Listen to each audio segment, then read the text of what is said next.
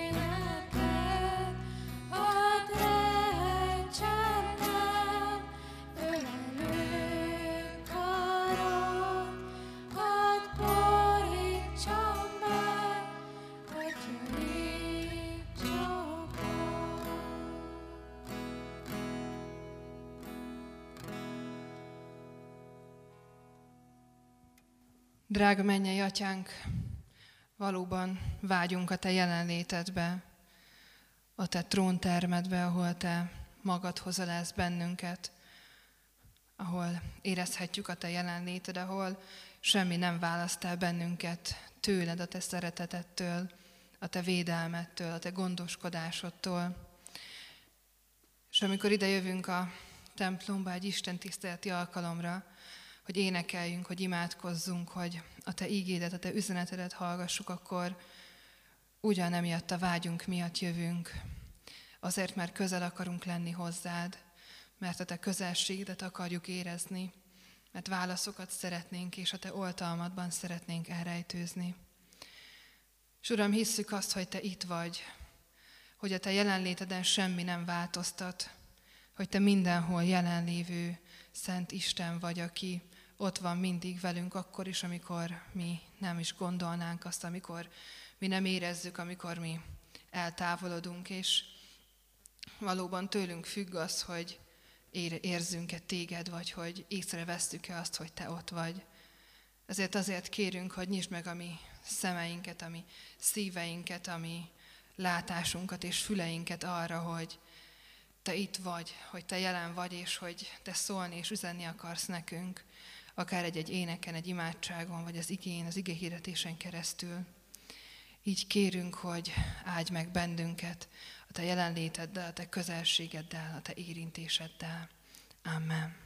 A mai alkalommal a hatos cél célból, a hatos célok közül egy következőre léptünk, mert az előző három hétben a közösségről volt szó, ha jól mondom, igen, és ma pedig a gyülekezetről kezdünk el beszélni, együtt gondolkodni, és erre hívunk titeket is, hogy, hogy a gyülekezeti tagságról beszélgessünk, mert ahogy ez meg van az ifjúsági stratégiában, ott ugye úgy van, hogy azt szeretnénk, az a célunk, hogy a fiatalok gyülekezeti taggá váljanak. És ezért beszélünk a gyülekezetről, arról, hogy mit is jelent a, akár a közösség, hogy, hogy milyen az a gyülekezeti közösség, ahol mi vagyunk. A Kecskemét amúgy is speciális, nagyon sok minden van. És ezzel kapcsolatban e, hoztam én is ma egy igét, egy ige hirdetést, aminek a témája az elköteleződés lesz, az elkötelezettség, ami nem konkrétan a gyülekezetről szól, és nem azt fogom elmondani, hogy Mindenki járjon gyülekezetbe minden vasárnap, és minden hétközi alkalmon is vegyetek részt és szolgáljatok állandóan, mert akkor vagytok igazi elkötelezett gyülekezeti tagok, sőt, fizessétek be az egyházadót, és jelentkezetek be a lelki hivatalba, hanem egy picit más szempontból szeretném, ha rá tekintenénk erre a témára, méghozzá az elköteleződésünk, az elköteleződéseink, a kötelékeinknek a, a szempontjából. És ehhez hallgassuk meg az igét, ami Lukács evangéliumából van, a 17. fejezetben a 11-től a 19. versig. Amikor útban volt Jeruzsálem felé, tudnélik Jézus, Samária és Galilea között haladt át. Amint beért egy faluba, szembe jött vele tíz leprás férfi, akik távol meg, megálltak, és kiáltozva kérték – Jézus Mester, könyörülj rajtunk. Amikor meglátta őket, így szólt hozzájuk. Menjetek el, mutassátok meg magatokat a papoknak, és amíg odaértek, megtisztultak. Egyikük pedig, amikor látta, hogy meggyógyult, visszatért, és fennhangon dicsőítette Istent. Arcra borult Jézus lábánál, és hálát adott neki. Ez pedig samáriai volt. Jézus ekkor így szólt, Vajon nem tizen tisztultak-e meg? Hol van a többi kilenc? De akadt más, aki visszatért volna, hogy dicsőítse Istent, csak ez az idegen. És ezt mondta az Úr, kelj fel, menj el, a te hited megtartott téged. Hadd kérdezzem meg, hogy nem túl hangos a hangom, mert nekem, nekem furin visszhangzik. Jó, ha nektek jó, akkor megpróbálom nem zavartatni magam. Szóval az elköteleződésről, a gyülekezeti tagságról szeretnék beszélni ennek az igének az alapján. Első ránézésre talán nem is illik ide ez az ige szakasz, vagy ez a történet. Első ránézésre Ez ugye nem a gyülekezeti tagságról szól, nem arról szól, hogy, hogy ez a leprás utána elment és csatlakozott egy gyülekezethez, és ott szolgálva élte le az életét, nem arról szól, hogy Jézus azt mondja neki, hogy menj és csatlakozz egy gyülekezethez, vagy gyere, megmutatom, hogy hol a helyed, hanem arról szól, hogy ő visszament, hogy egy leprás, aki meggyógyult, visszament Jézushoz, és ez lesz valahol a, a kulcs gondolata. Mert az elköteleződés az egy nagyon nehéz téma ebben a mai világban is, és lehet, hogy sokat találkozunk vele.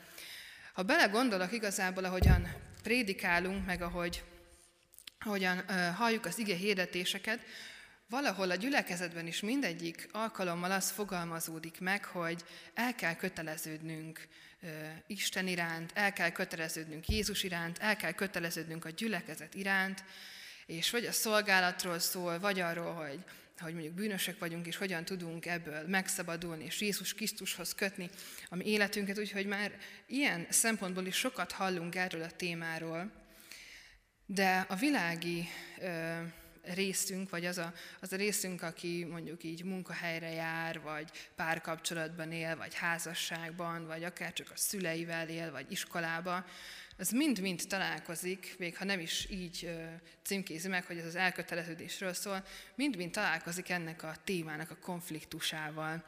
És ez egy érdekes téma, mert úgy szoktuk ezt így kategorizálni, hogy ez valakinek megy, valakinek meg nem, és általában ezt a párkapcsolathoz szoktuk kötni, miközben az életünk minden területén megjelenik az, hogy mennyire tudjuk magunkat odaszánni, ugye ez már egy új szó, ami valójában árnyalja az elköteleződésnek a, a jelentését, mennyire tudunk valahol tényleg jelen lenni, mennyire érint meg bennünket valami, mennyire tudunk valamire úgy felfigyelni, hogy annak utána is menjünk, és ne csak ilyen felszínes figyelemfelkeltés legyen. És mind-mind erről szól, amikor az elköteleződésről beszélünk. És a gyülekezeti hovatartozás az valójában tényleg csak egy része ennek. Mert tényleg ott van a családunk, amit azért nem választhatunk meg, de valamennyire mégis próbálunk lojálisak lenni hozzájuk, még akkor is, ha idegesítenek a testvéreink, vagy hogyha a gyerekeink éppen nem viselkednek úgy, ahogyan mi azt szeretnénk, akkor azért lehet, hogy így az elköteleződésünk egy kicsit néha megbillen, és nem, nem biztos, hogy úgy viselkedünk, ahogy szeretnénk.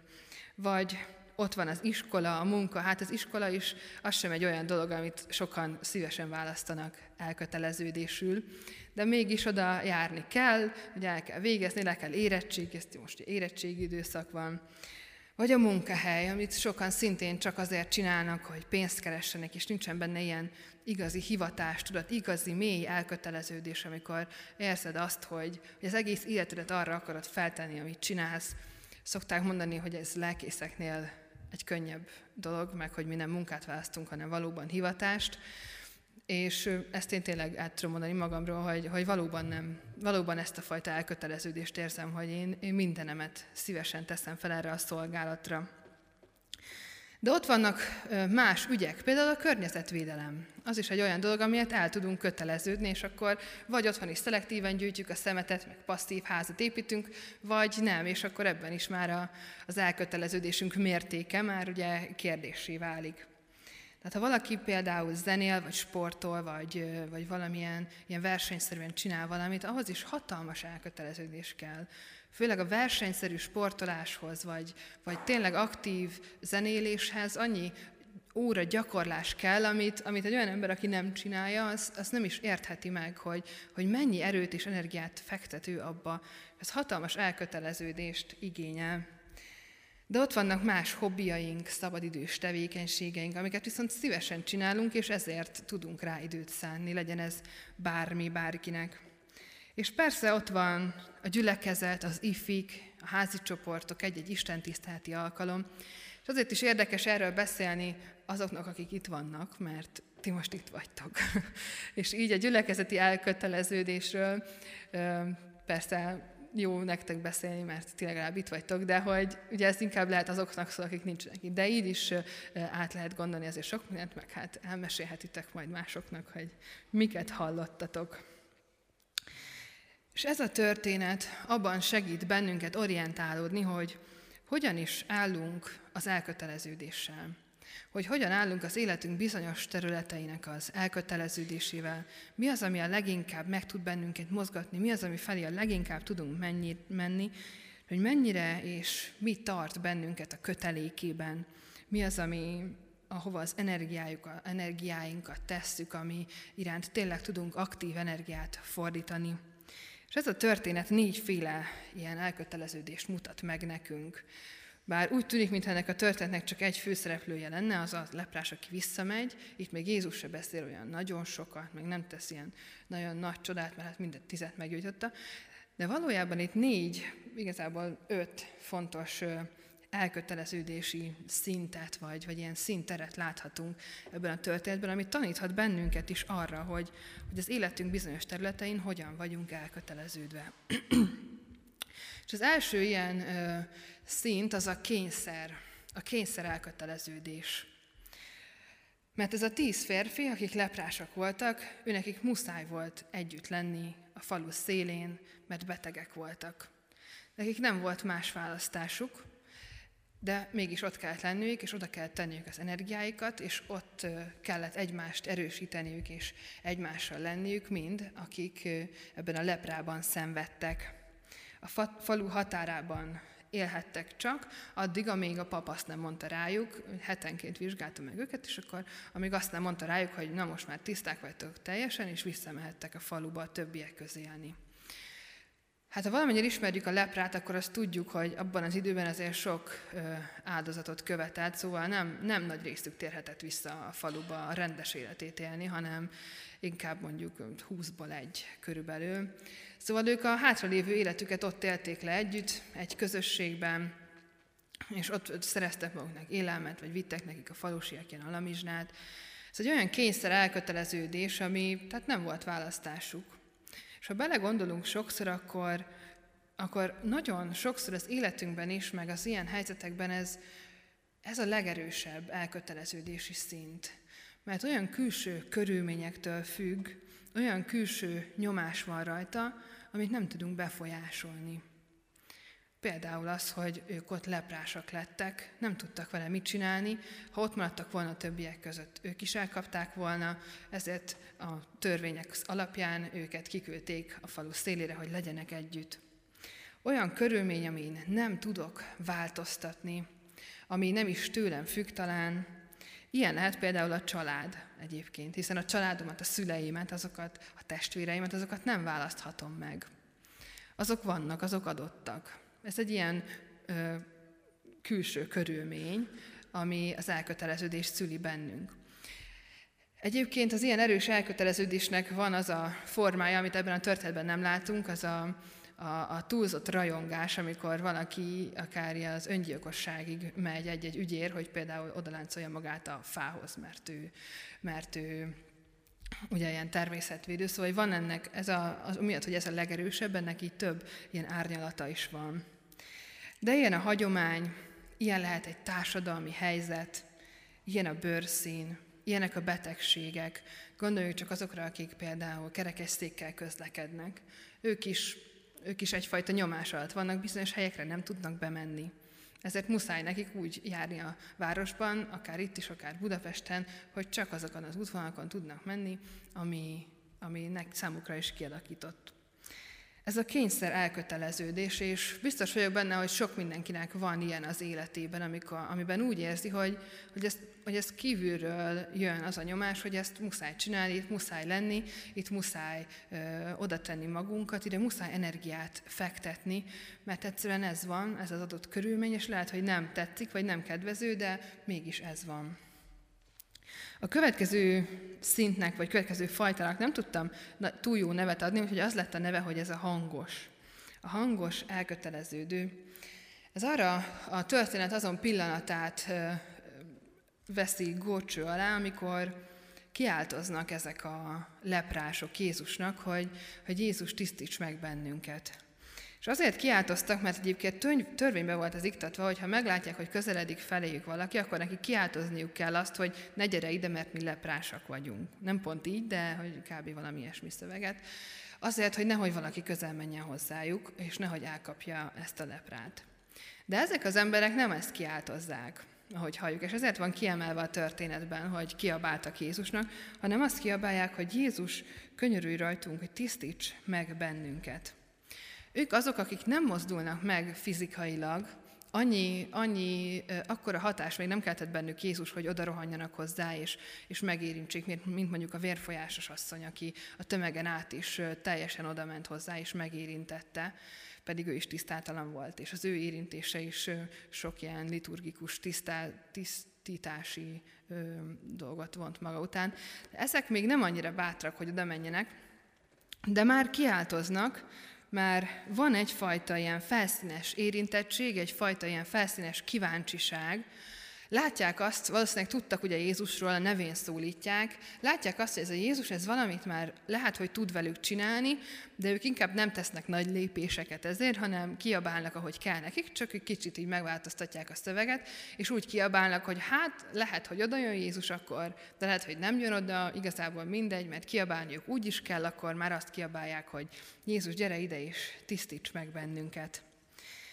Ez olyan, amikor elmegyünk egy kirakat mellett például, és így a perifériánkból így megérint, hogy fú, de jó az a, nem tudom, bögre, és hogy mennyire szeretném azt a bögrét, ami nem tudom milyen minta van, és aztán mégis így tovább megyek, és lehet, hogy három nap múlva eszembe, hogy jó, ott volt egy ilyen bögre, de á, inkább nem veszem meg, vagy nem megyek be a boltba.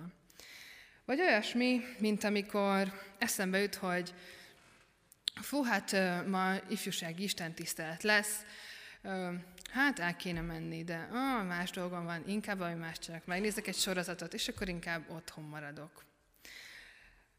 Ez pontosan olyan, mint amikor van valami, amit egyébként szívesen csinálnék, de hogyha van más jobb dolgom, vagy hogyha van más, amit még annál is szívesebben csinálok, akkor, akkor simán lecserélem. Tehát, hogy akkor így annyit nem jelent, hogy tényleg elmenjek. Akkora érintés nem ad, de ha nincsen semmi dolgom, és már tényleg úgy ülök otthon, hogy na jó, most mit csináljak vasárnap délután 6 órakor, akkor, és tényleg nincsen semmi más dolgom, akkor eljövök. Ez az elköteleződés az ilyen, és biztos van a, a mi életünkben is ilyen, ilyen alkalom, vagy ilyen pillanat, vagy ilyen dolog, amire azt szoktuk érezni, hogy hát ha már nincsen semmi más dolgom, de tényleg semmit nem tudok magamnak kitálni, hogy mit csináljak még, már kitakarítottam. Nálam milyen volt a vizsgákra tanulás például. Tehát, hogy mindent megcsináltam azelőtt, hogy leüljek tanulni, és aztán, amikor már nem volt semmi más, na, akkor leültem tanulni, mert muszáj volt. Szóval biztos van a mi életünkben is ilyen, amire, amifelé így vagyunk elköteleződve, hogy ez a fajta ilyen, ilyen hangos, kicsit kétkedő, kételkedünk benne, hogy ennek tényleg van értelme, vagy tényleg fontos, és így lehetünk mi is, ahogyan ez a tíz leprás. Aztán jön a következő fajta, akit szabálykövetőnek neveztem el. Ő az, aki teljesíti a minimumot. És az az érdekes ebben a igen, teljesíti a minimumot. Az, hogy mi az érdekes, azt majd a végén mondom el. Kiáltoznak, ahogyan a mózesi törvényben megvan nekik írva. Kint éltek, ahogyan a mózesi törvényben megvan nekik írva, és ugye azt mondja nekik Jézus, hogy menjetek el a paphoz. Ez is a mózesi törvényekből van, ahogy az elején is említettem, hogy nekik hetente el kellett menni a paphoz, és akkor a pap ítélte meg, hogy ha nem változott semmit az állapotuk, akkor még egy hétig kint kellett maradni, ha romlott, akkor mondta nekik, hogy akkor még két hét, vagy valamit mondod, ha meg javult, még akkor is egy hétig kint kellett maradni, és meg kellett nézni, hogy akkor egy hét múlva jó-e már. Tehát követték azokat a szabályokat, amik elő voltak nekik írva. A mózesi törvényeknek minden pontját szóról szóra betartották. Ők a szabálykövetők, akik, akiknél már nem ez a felszínes érintés jelenik meg, hanem egyfajta ilyen kognitív megérintettség, mert ennek van értelme, ezek logikus dolgok. Ezeket már előttük évszázadokig így csinálták. Ez biztosan jó lesz így, ez a bevett szokás, akkor így kell nekem is tenni, és el tudok köteleződni ilyen dolgok iránt is, ami valójában a szívemet nem érinti meg, de az elmémet, az agyamat azt nagyon jól megérinti, mert tényleg annyira átlátható és logikus a rendszer, hogy nagyon szívesen csinálom meg azt, és tényleg teljes odaadással csinálom meg, és így válnak számunkra ezek a, az ilyen tettek a belső ilyen kell mondatokká. Lehet, hogy nekünk is vannak ilyen belső mondataink, amikor azt tudjuk mondani magunknak, hogy el kell jönni a templomba például, vagy el kell menni egy ifire, vagy ezt most meg kell csinálni, mert, mert ez a szabály, mert így szokás, vagy most nem jut eszembe több, de biztos, hogy mindenkinek eszébe jutott saját ilyen kelmondás is. Vagy például vasárnap, a vasárnapi ebéd szokott mondani, hogy vasárnap akkor rántott húst kell lenni ö, ö, húslevessel, vagy hasonló dolgok. A szabály követőben egy olyan belső nyomás alakul ki, ami már az övé lesz, de még nem ebből a szívbéli mély megérintettségből jön, hanem ez egy ilyen kognitív, gondolati dolog. De mégis kényszeres, de nem, egyik sem rossz, tehát nem rosszak ezek a kategóriák, hanem ezek vannak az életünkben. És lehet elkötelezettnek lenni ilyen irányban is. És jön a negyedik fajta, amit ebben a történetben láthatunk. Őre azt a nevet adtam, hogy a szolgálatra kész. Ő az, aki visszatér. Az a leprás, vagy ex-leprás. Ő az, akiben van egy olyan aktív elköteleződés, ami nem csak kognitív, hiszen ő megtette azt is, hogy elment és megmutatta magát a papnak, hanem egy olyan mély érintés született meg benne, vagy egy olyan mély érintést kapott, ami, ami igazán meg tudta mozgatni. Egy olyan mély érintés, ami, ami, ami, ellen, ami mellett nem tudott elmenni, hanem egyszerűen kényszerítő elő, erővel hatott rá, és visszatért Jézushoz, és megköszönte neki, hálát adott neki. Pedig ugye mindannyian megtisztultak, és nem tudjuk, hogy mióta voltak ott, és nem tudjuk, hogy milyen kilátásaik voltak, de az biztos, hogy ha megtisztultak, és a pap megnézte őket, utána visszatérhettek a régi életükhöz, a régen látott családjukhoz, a régen otthagyott munkájukhoz, a régen otthagyott ismerősökhöz, a falujukba, nem kellett már kint élniük, ehettek normális ételt, és a kilenc egyből vissza is rohant valószínűleg a családjához, meg a szeretteihez, de ez az egy, ő nem rohant vissza az előző életébe, hanem egy olyan ilyen belső, mély, egzisztenciális érintést kapott, ami által ő inkább Jézushoz tudott visszamenni. És lehet, hogy a többinek is ugye az esztében maradt az, hogy, hogy hát igen, volt ez a Jézus, aki azt mondta, hogy menjünk el a paphoz, és majd megtisztulunk. És lehet, hogy három nap múlva eszébe jutott, mint a kirakatos példánál, ugye. Lehet, hogy utána elkezdte keresni, és lehet, hogy később ott lesz majd Jézus tanítványai között. Ezt nem tudjuk, ugye, de feltételezhetünk ilyesmiket. De ez az egy, ez el, elsőre olyan aktív elköteleződést tudott hogy az energiáit oda tudta tenni, és vissza tudott menni. És lehet, hogy csak ö, ennyit beszélt Jézussal, amit le van írva, megmondta neki, hogy menj el, a te hited megtartott téged, és visszament a családjához, de ennyit, ennyit már megért neki az a tapasztalat, amit ő kapott, és ez a mély érintés. És biztos, hogy van a mi életünkben is ilyen, amikor valami nagyon-nagyon eltalál, betalál, ami nagyon-nagyon megérinti a lelkünket, az életünket, ami szinte alapjában forgatja fel azt, ahogyan a világra nézünk, ahogyan gondolkodunk a világ dolgairól, vagy akár Istenről, akár a gyülekezetről, az Istennek az egyházáról, arról, hogy, hogy milyen egy keresztény közösségben lenni, vagy a Krisztus követésről, de akár csak az élet dolgairól, családról, párkapcsolatról, szeretetről, odaf, odafordulásról. És az igazából az elköteleződésnek a kérdése, hogy ezzel tudunk-e kezdeni valamit, és azt az aktív energiát oda tenni abba, és visszamenni egy kicsit Jézushoz, mindazzal, ami megérint. Mert a mi világunknak az a nagyon nagy veszélye, hogy itt vagyunk a gyülekezetben, itt vagyunk a templomban, vagy itt vagyunk más alkalmakon, kapunk egy érintést, jön egy gondolat akár, hogy a lelkész azt mondta, hogy akkor vagyok elkötelezett, ha nem tudom, minden alkalommal itt vagyok és szolgálok, vagy kapok egy érintést, hogy, hogy Jézus visszavár, és várja azt, hogy, hogy amikor valami megérint, akkor hozzá menjek, de amikor kimegyünk a templomból, akkor ez, ez annyira könnyen szerte foszlik. Annyira könnyen szerte foszlanak ezek az érintések, és és ha hazamegyünk, akkor csak ez, ez ilyen kirakat érintésé válik, mert már el is felejtjük, mert már hazaértünk, és már a holnappal foglalkozunk azzal, hogy miket kell még csinálnunk ahhoz, hogy holnap a gyerekek elindulhassanak iskolába, hogy én elmehessek munkába, hogy... És így teljesen szétfoszlanak ezek az érintettségek. Hát az a kérdése ennek a történetnek, hogy, hogy mi az, amiért mi vissza tudunk menni, és hogy tudjuk-e tényleg oda tenni a mi energiájunkat, vagy, vagy csak sodródunk és szétaprózódunk az életünk sok-sok területén, ahova sok-sok ilyen elköteleződési energiát hozunk. És most ugye a prédikáció végén, vagy vége felé még szeretnék ebben nektek egy kis segítséget adni, és egy kis időt adni arra, hogy, hogyha most valamilyen megérintettségünk van, akkor azzal tudjunk egy kicsit foglalkozni, és erre szeretném kérni a táblázatot. Igen, ebben a táblázatban az életünk legfontosabb területei látszódnak itt oldalt, és fent pedig az a négy féle elköteleződés, amit ö, elmondtam, vagy amit ez a történet elénk tárt, és három kérdésem lesz, és arra kérek mindenkit, hogy ezt így magában gondolja át, hogy, hogy hol van ezekben a kérdésekben. Mindenki látja? Az első az az, hogy melyik területen milyen fajta elköteleződésed van.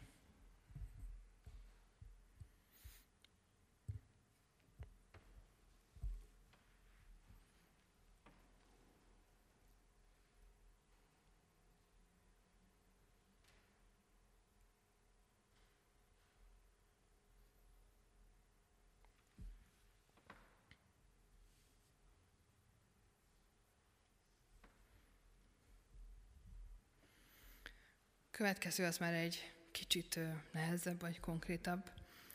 Ha lenne ilyen száz ilyen elköteleződési erőpontod, vagy nem tudom, hogy nevezem, ö, hova helyeznéd el a pontjaidat? És itt már mind a két dimenzióban gondolkodhatunk, mert például lehet az, hogy a családban szabálykövetően vagyok elköteleződve mondjuk 53 pontnyira, és akkor a többit így a megfelelő módon próbáld meg elhelyezni.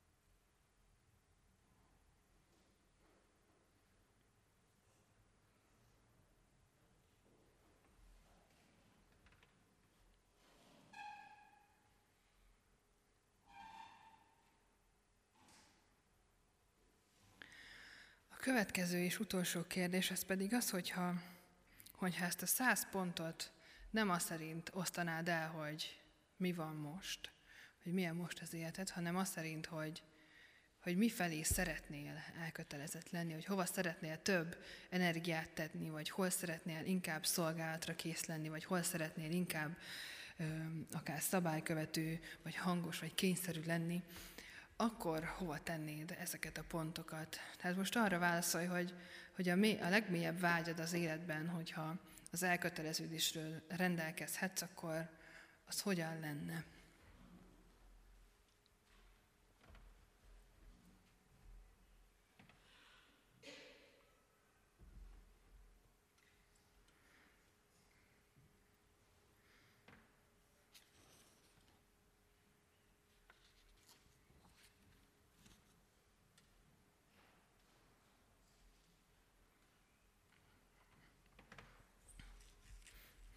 biztos mindenkinek megvan már, hogy, hogy hogyan szeretne elköteleződni. És az a jó híre ennek a történetnek is, meg ennek a témának, hogy, hogy ebben, ebben van döntési jogunk.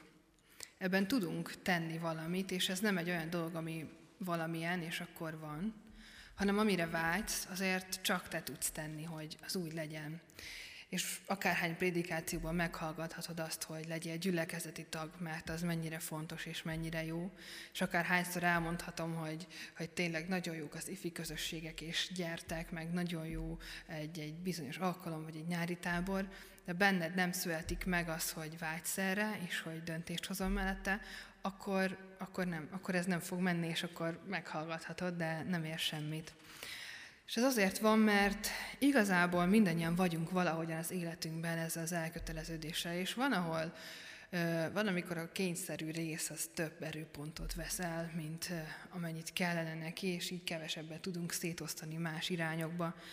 Lehet az is, hogy nem is láttunk még rá erre eddig, nem gondolkodtunk el azon, hogy az elköteleződésünkben van beleszólásunk, és van döntésünk, és dönthetünk úgy, hogy, hogy minden héten az Isten tisztelet kerül a prioritás helyre, és nem csak akkor jövök el, ha már tényleg nincs más dolgom. És tudom, hogy ezt nektek mondom, akik itt vagytok, de azért elvihetjük ezt az üzenetet magunkkal, és más területekre is alkalmazhatjuk. És ami még nagyon fontos, hogy azért sem mondom azt, hogy, hogy mindenképpen mostantól akkor a gyülekezeti életben benne kell lennetek, mert ez az egész nem arról szól, hogy, hogy itt kell legyél. Mert Jézus pont, hogy nem ilyen elköteleződést vár, vagy nem az ilyen elköteleződés az, amit ő ki tud váltani, hanem pont az az elköteleződés, ami a mély belső megérintettségből fakad. Itt nem arról van szó, hogy nekem rossz itt lenni mondjuk egyedül és egyedül gitározni, ha nem jön el senki, mert én úgy is elgitározgatok itt egyedül, meg el, elmékedem az igén, hanem arról van szó, hogy veletek sokkal jobb itt lenni. És erről szól a gyülekezet, erről szól minden ifi alkalom, erről szól minden tábor, erről szól minden előadás, hogy nem szükségünk van arra, hogy ti elgyertek, hanem egyszerűen veletek jobb mindezt csinálni. Jobb együtt csinálni. És ami a legjobb híre ennek a történetnek, az az, hogy az ötödik elköteleződés ebben a történetben az Jézus maga. Mert Jézus elköteleződése az a teljes elköteleződés szint, amit lehet, hogy soha nem érünk el, lehet, hogy valamiben elérjük majd, de Jézus odadja a legnagyobb ajándékot, ő olyan új életet ad ezeknek az embereknek, amit akkori korban egy leprás ember nem tudott magának elképzelni. Visszatérhetnek az elvesztett családjaikhoz, visszatérhetnek a társadalomba, egy olyan kitaszított állapotból, amiben ők már nem tudtak magukkal szinte semmit kezdeni, csak ott el voltak és várták a halált. És így az utolsó leprás, vagy hát tizedik leprás, aki visszajön, ő az, aki ennek a, az érintettségét megérzi, és aki valóban meg tudja érteni, és megérkezik ezt az ajándékhoz, hogy milyen ajándékot kap.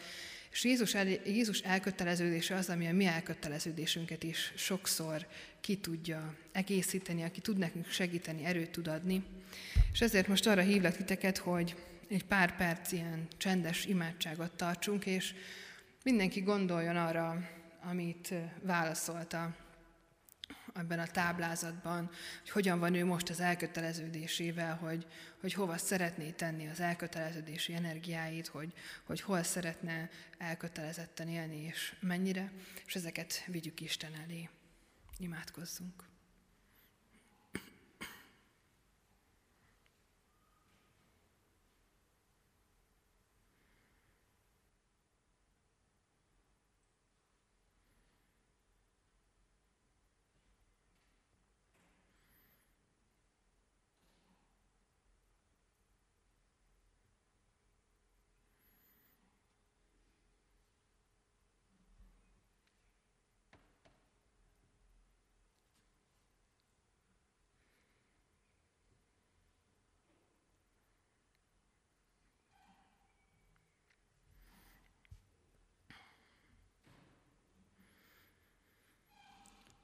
Drága mennyi atyán, köszönjük neked azt, hogy te, hogy te tanítasz bennünket egy ilyen nehéz témáról, amit, amit sokszor úgy a, a szőnyeg alá tudunk söpörni, vagy úgy el tud így foszlani a mindennapok mindenféle teendői között. Köszönjük, hogy előttünk van ez a történet, amiben annyi minden benne van arról, hogy milyen az ember elköteleződése, hogy milyen kötelékeink vannak, hogy mi az, ami inkább megkötözés, mi az, ami, amelyik kötelék pedig felszabadít, és köszönjük, hogy tanítasz bennünket ezáltal arra is, hogy ebből mi is tudunk döntést hozni, hogy mi is el tudjuk dönteni azt, hogy mi legyen számukra fontos, hogy mi az, amire az időnket szeretnénk és tudjuk szánni. És ezért kérünk, hogy ha ilyen elhatározás született most a mi szívünkben, akkor abban támogass és adj erőt benne, hogy, hogy valóban tudjuk így azt az életet élni, amely, amely te előtted kedves, és amely élő áldozat tud lenni a te számodra. És így kérünk mindazokért, akik ma nem tudtak eljönni, vagy nem jöttek el, hogy az ő szívükben is formáld azt, hogy szeretnének hozzá tartozni, hogy veled közösségben lenni. És kérünk mindazokért, akik itt a városban még nem hallottak rólad, vagy akik még más megkötözöttségeikben nem tudnak rád figyelni, és kérünk, hogy az ő szíveiket is érints meg, hogy te legyél ennek a városnak az ura, hogy a te egyházad Jézus Krisztus egyháza valóban egy fénylő pont lehessen, és ne pedig valami, ami egy rejtett dolog. Így kérünk, hogy Te érintsd meg a szíveket, hogy Te hívd össze azokat, akiket Te elhívtál. Így kérünk, hogy légy velünk. Amen.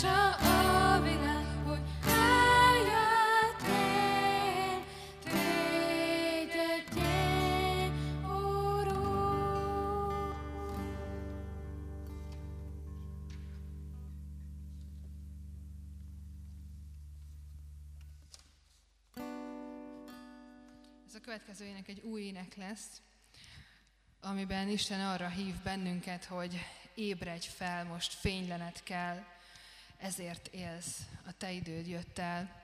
Arra hív Isten, hogy, hogy valóban olyan fényei lehessünk, ami világít, bárhol vagyunk, és nem csak itt a templomban, hanem amikor hazamegyünk, amikor az iskolában vagyunk, amikor a munkában.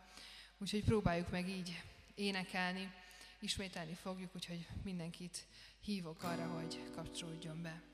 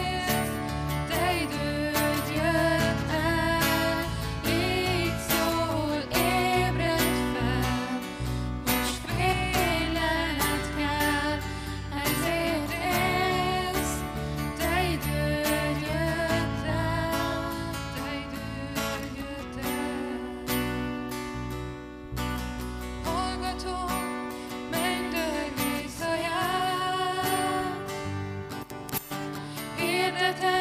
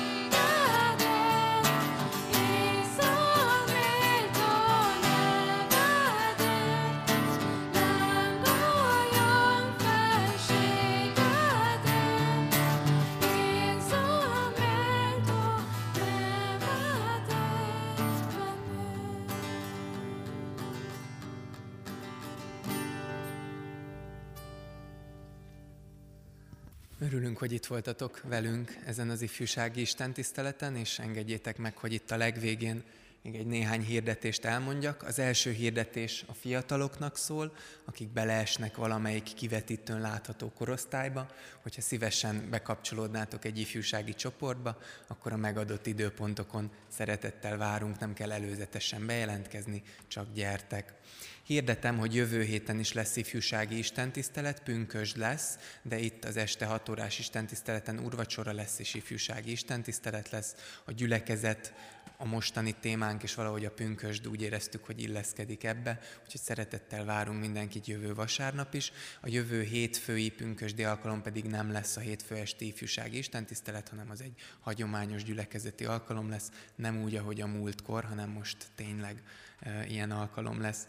Hirdettem, hogy a Széchenyi városban evangelizációs esték vannak, holnap, hétfőn, kedden és szerdán minden este 6 órakor vendégige hirdetők érkeznek hozzánk, és sok szeretettel várjuk erre is a gyülekezet minden tagját, illetve biztatunk titeket arra, hogy, hogy adjátok tovább ezt másoknak is. És még néhány főleg ifjúsági, meg gyülekezeti programot, a nyári táborokat szeretném hirdetni. Az első az nem nyári tábor, ez a tavaszi zsongás nevű ilyen sportnap, foci és röpi. Erre hamarosan leadjuk a jelentkezést, hogyha úgy érzed, hogy szívesen jönnél június másodikán szombaton Budapestre, a Kecskeméti ifivel már körülbelül 15-20 megyünk, de hogyha szívesen csatlakozzál, akkor jelentkezz nálunk. Hirdetem, hogy lesz ifi táborunk, és a gyülekezetnek pedig több generációs tábora, ennek a kiáratnál megtalálhatók az infója a hirdetőben és a jelentkezési lapon. Hirdettem, hogy lesz Sófár és Refisz nyári tábor, a Sófár egy zenei művészeti tábor, ennek az időpontja egy időben van a több generációs táborra jelentkezni a interneten lehet, és a Refisz tábort azért szeretnénk kiemelni, mert egy pályázatnak köszönhetően azok a fiatalok, akik nem Pest megyeiek, tehát mi is már bele tartozunk, illetve még a 12. osztályt nem kezdték el, lényegesen olcsóbban jöhetnek, nekik 15 ezer forintba fog kerülni egy egész hét a Balatonon, és nagyon jó szívvel ajánljuk ezt a tábor, többen voltunk már ott, én ott értem meg egy ilyen refisz táborban, egy fantasztikus lehetőség nem csak arra, hogy jól érezzük magunkat a nyáron, hanem hogy Istennel is tudjunk találkozni.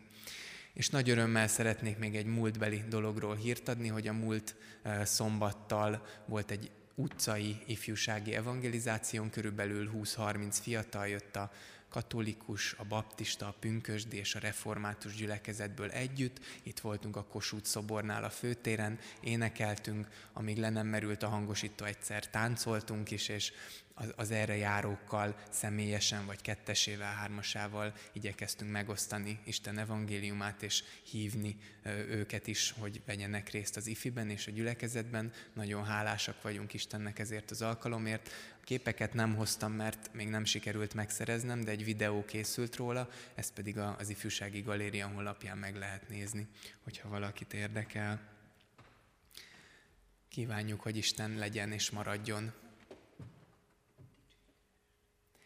Igen, és még egy hirdetést elfelejtettem, hogy a jövő heti pünkösdi ifjúsági istentisztelet, az abban is rendhagyó lesz, hogy miután vége van ennek az istentiszteletnek, azután azok, akik szívesen maradnának együtt énekelni és együtt dicsőíteni Isten pünkösd alkalmából, azok ezt megtehetik. Körülbelül 19.30-ra satszoljuk, hogy befejeződik az istentisztelet, és utána itt maradunk együtt énekelni. Erre is szeretettel várunk mindenkit.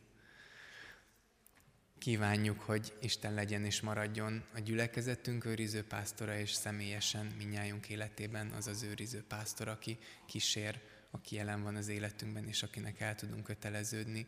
Álljunk föl, és fogadjuk Istennek áldását.